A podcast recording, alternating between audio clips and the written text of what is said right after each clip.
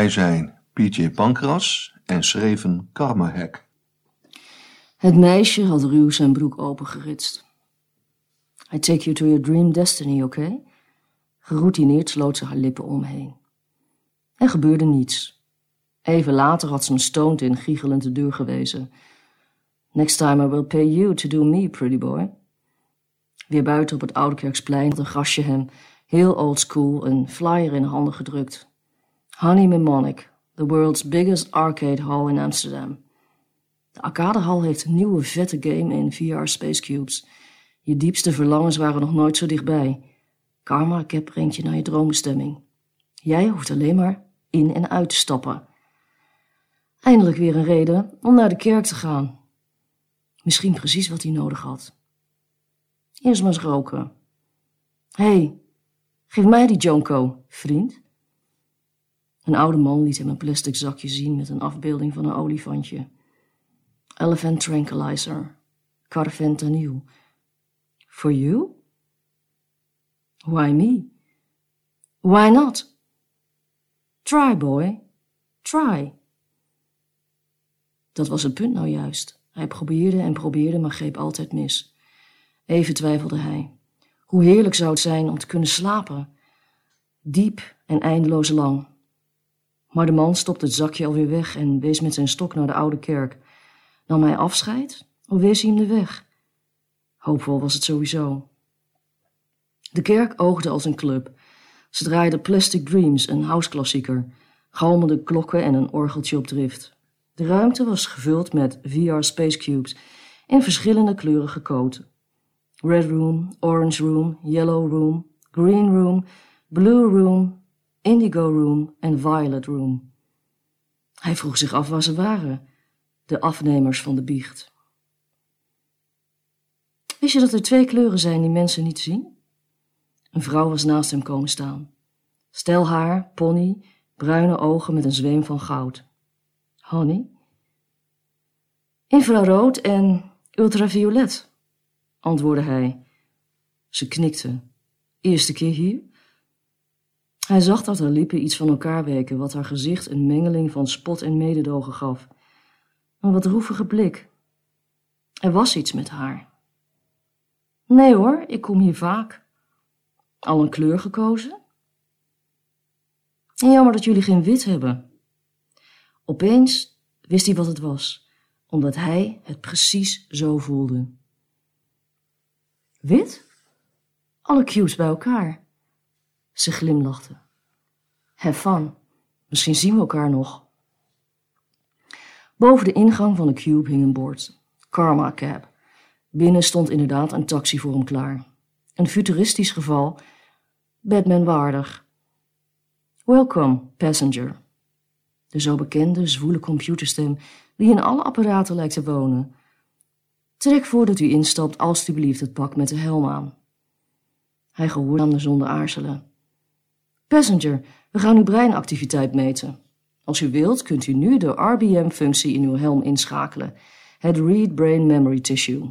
Dan gebruiken we uw eigen herinneringen of uw eigen verlangens, zo u wilt. Verlangens zijn immers herinneringen aan de toekomst. Dat klonk goed. Hij stapte in, maar zag geen driver. Hallo, reiziger. Een vrouwenstem die hem vaaglijk bekend voorkwam. Adres? Oh ja, hij zat in een taxi. Hij kon geen enkele bestemming bedenken, blokkeerde volledig. Weet je het niet? Wacht, ik weet waarom ik het niet weet. Er is geen chauffeur, dat is het. Als je je ogen sluit, zie je je driver. Op dat moment verscheen ze naast hem. Het hologram van de vrouw met de spottende mond en het droevige blik. Ik weet genoeg, zei ze. Je weet wat ze zeggen. If you don't know where you're going to, any road will take you there. Zijn lichaam ontspande. Hoe heet je, jongen? Hij vertelde haar zijn naam. Het was lang geleden dat hij die tegen iemand had gezegd. Oké, so Jimmy, what have you been up to lately? Ze had een Brits accent zoals hij had gehoopt. Verlangens, wauw, nu moest hij met iets interessants komen. Ah, oh, the usual, weet je. Ben je een computerjongen? Het was waar. Hij was een ICT'er die lichtstralen analyseerde van sterren die miljarden jaren geleden uitgedoofd waren en nu pas de aarde hadden bereikt. Het verleden meten, Dag en nacht was hij in het lab te vinden. Thuis zijn betekende wakker liggen, duistere dromen. Woon je samen? Hij schudde zijn hoofd. En jij? Ik woon met mijn moeder. We zijn heel blij met elkaar. Waar zijn jullie zo blij mee? Eindelijk een echt gesprek. Ze antwoordde niet meteen. Daar was het droevige weer. Ach, we houden elkaars handen vast. Soms snuiven ze aan mijn haar. Pluisje, ik wil je ruiken, zegt ze dan, maar meestal herkent ze me niet, weet je. Een berg doemde voor hen op. Een merkwaardige verschijning in het tot dan toe vlakke land. Hij keek naar Hanny, die in gedachten verzonken leek. Haar onbereikbaarheid veroorzaakte een scheurtje ergens in zijn weefsel. Muziek? vroeg hij. Kies jij maar. Ze reed de taxi de tunnel in. Hij zette de radio aan. Krassende geluiden, een trombone, de stem van Sandy Shaw, zei Honey en ze zong mee. I walk along the city streets you used to walk along with me. And every step I take recalls how much in love we used to be. Oh, how can I forget you when there is always something there to remind me? Hij wist niet of hij kon, maar hij probeerde het. And I will never be free. You always be a part of me. Zelfs de lange uithalen gingen vanzelf. Hoe heerlijk was het om te kunnen zingen, samen. Soppeltjes gleed de taxi donker uit het licht in. Een bekend landschap omringde hen. Rood zand, palmen, lage stenen huizen, alles in een helder licht. Marokko. Het was stil nu. Het heerlijke gevoel van zojuist zijpelde langzaam weg. Ze naderden een stad en alles in hem verzette zich. Hij wilde niet uitstappen. Hij wendde zijn blik van haar af terwijl zijn verlangen groeide. Het portier ging open en hij stapte uit. Op de driver's seat zat niemand meer. Als hij haar terug wilde zien, zat er maar één ding op. Hij liep naar de loopband die in een carrévorm langs de wanden van de cube was geïnstalleerd, plaatste zijn voeten op de band en bevond zich op de parkeerplaats van Hotel Continental in Tanger. De taxi was nergens meer te bekennen. De zon was al aan het ondergaan. Moest hij wachten tot ze hem weer op zou pikken? Hij besloot verder te gaan. Het asfalt kronkelde via een smalle straat omhoog. Overal lag platgelopen mest, overal liepen mannen.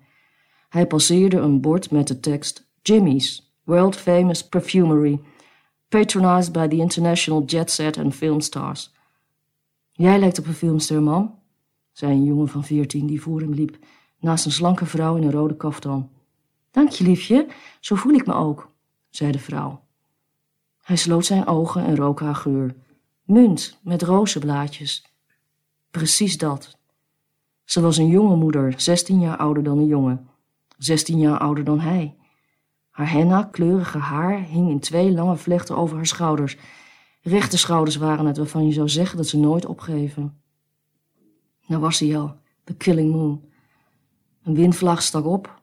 Hij hoorde het, hij voelde het. Zijn hart sloeg over en hij begon te zweten. Voor hem lag de poort van de Medina.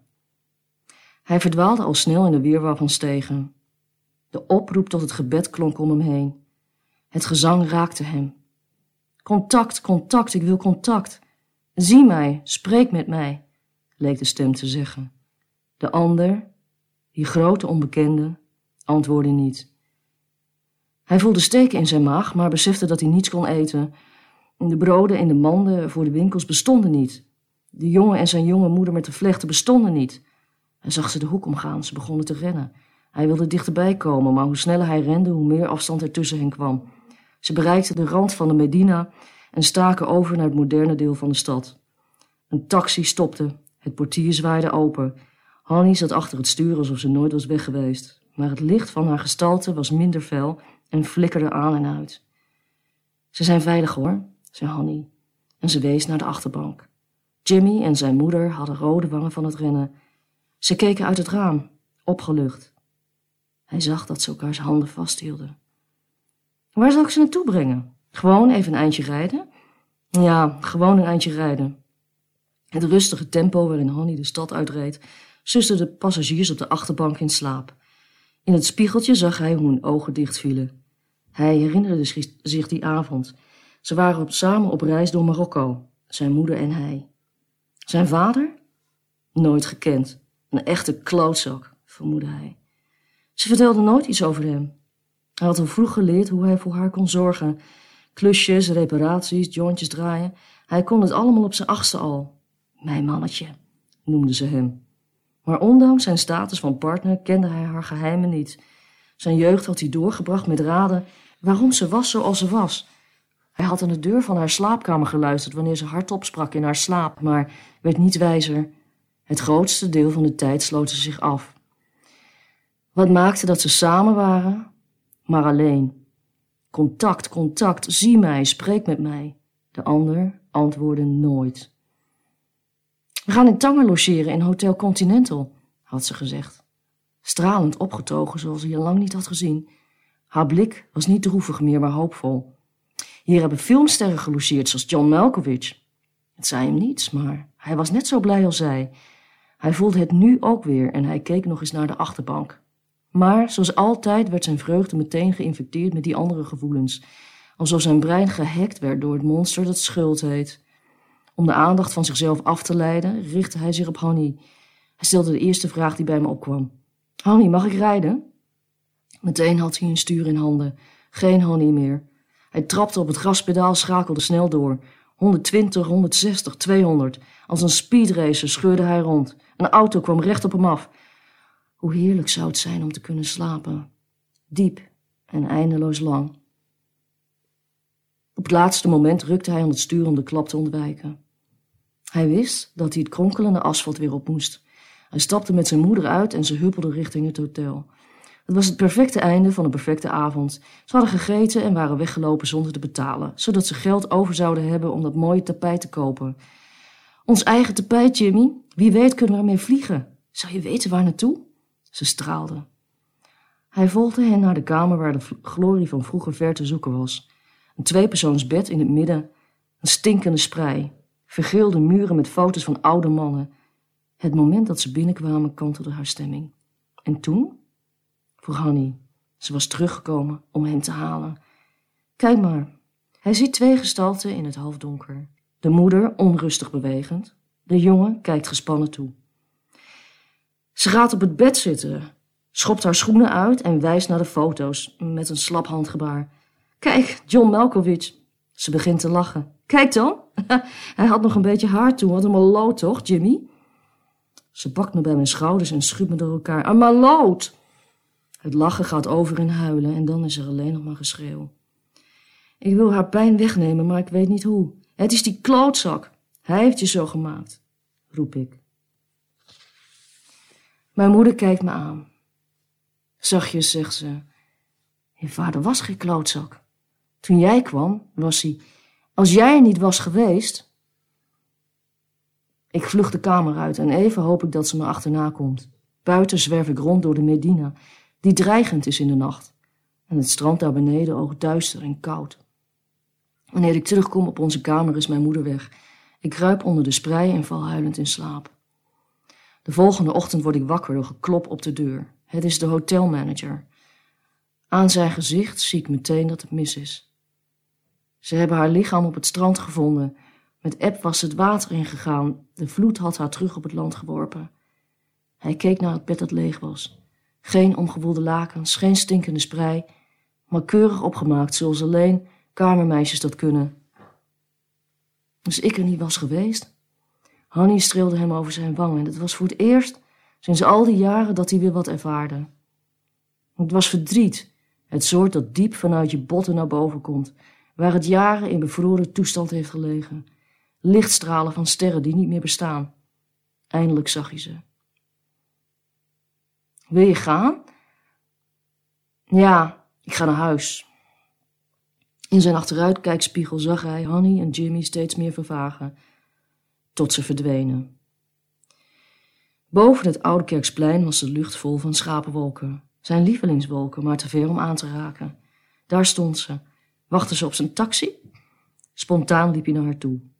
Hé, hey, ken je me nog? Ze keek hem aan van onder haar pony en glimlachte. De man die van wit houdt. En? Heb je je bestemming bereikt? Ja, ik was al lang niet geweest. Kom je nog eens terug? Nee, die plek bestaat niet meer.